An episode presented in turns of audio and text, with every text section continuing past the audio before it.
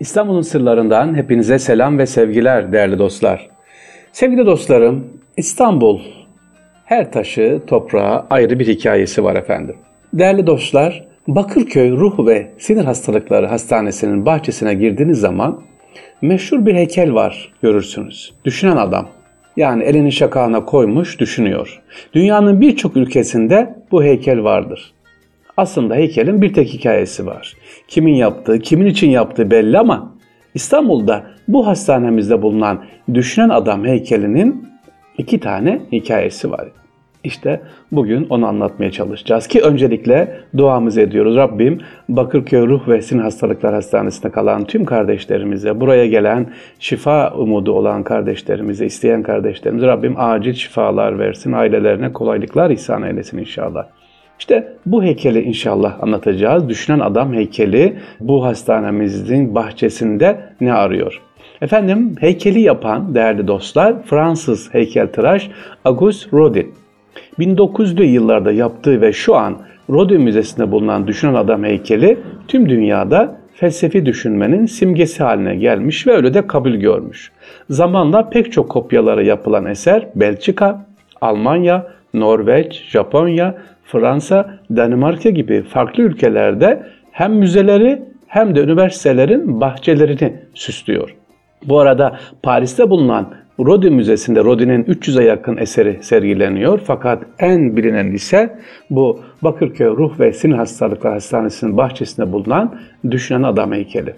Birçok ülkede dedim bu Rodin'in Düşünen Adam heykeli sevgiliciler hiçbir ülkede Düşünen Adam heykeli bir e, akıl hastanesinin bahçesine yerleştirmek kimsenin aklına gelmemiş. Peki nasıl oldu da İstanbul'da bu heykelimiz geldi? Biri mi getirdi? Biri mi yaptı? Nasıl yapıldı? İşte hikayesi. 1950 yıllarda Türkiye'de Bakırköy Ruh ve Sinir Hastalıkları Hastanesi'nin bahçesinde yerini aldığında herkes ilk önce şaşırmıştı. Başhekim Fahri Celal Göktulga düşünen adamı ilk önce bir dergide görür. Ardından heykelin bir kopyasının hastane bahçesine yapılması fikrini ortaya atar. Ancak bu iş için gereken ödenek yoktur. Bunun üzerine bu sırada hastanede tedavi görmekte olan heykeltıraş Kemal Künmat Bey ile e, görüşür, ricada bulunur. Künmat'ın görev kabul etmesiyle devasa bir kaya kütlesi askerinde yardımıyla hastaneye gelir. Evet heykel başlanıyor artık. Dünyada var bizde niye yok? Düşünen adam vücuda gelmeye başlarken e, heykel tıraşımız emeğinin karşılığını istediğini ifade eder. Talep ettiği bedel günün şartlarına göre çok çok yüksektir. Öyle ya heykeltıraş da haklı dünyanın en önemli heykelini yapıyor. Hastane yönetimi heykeltıraşımızı ikna etmek için onu en iyi odalarda ağırlayıp ufak hediyeler alsa da cık, başarılı olamaz. En nihayetinde heykeltıraşımız heykeli yapmayı bırakıp hastaneden ayrılır. E düşünün adam ne olacak? Öyle bir yerde kalmıştır ki sevgili dinleyiciler çenesini yaslayacağı koldan mahrum bırakılmış halde. Bu durum 6 ay kadar sürer. Bir heykel var, her şey tamam, kolu yok. 6 ayın sonunda hastaneye depresyon tedavisini yatan yüzbaşı Mehmet Bey, Mehmet Piştar, tek kollu düşün adamın eksik kalan kolunu tamamlayacağını söyler. Önceleri bunu başarabileceğine pek inanmazlar ama başka bir taşı yontarak kolu yapınca tamam sınavı geçer ve yüzbaşıya heykeli yapması izni verilir. Üstelik heykeli tamamlaması karşılığında hastaneden taburcu edileceğinde sözü verilerek böylece yarım kalan kol da tamamlanır ve heykel son halini alır. Şu andaki hali. Emeğe geçen iki kişi var. Bu da hikayesi sevgiliciler. Heykel niye burada derseniz soruyorlar bu soruyu. Gazeteciler diyorlar ki açılışta Fahri Bey, Fahri Celal Göktürkay Hastane Başhekimi efendim bu heykelin bir akıl hastanesinin bahçesinde bulunmasının neyi ifade ettiğini sorarlar. Göktürk'a yarı şaka yarı ciddi diyor ki gülümseyerek e, hastane dışındakilerinin durumu içeridekilerden daha kötü. Bu heykel onların durumu ne olacak diye düşünüyor şeklinde soruyu cevaplar sevgili dinleyiciler. Acı ama gerçek daha başka. Gelelim gerçek hikayesine. Yani Rodin'in yapmış olduğu bu hikayenin, heykelin aslında hikayesi nedir?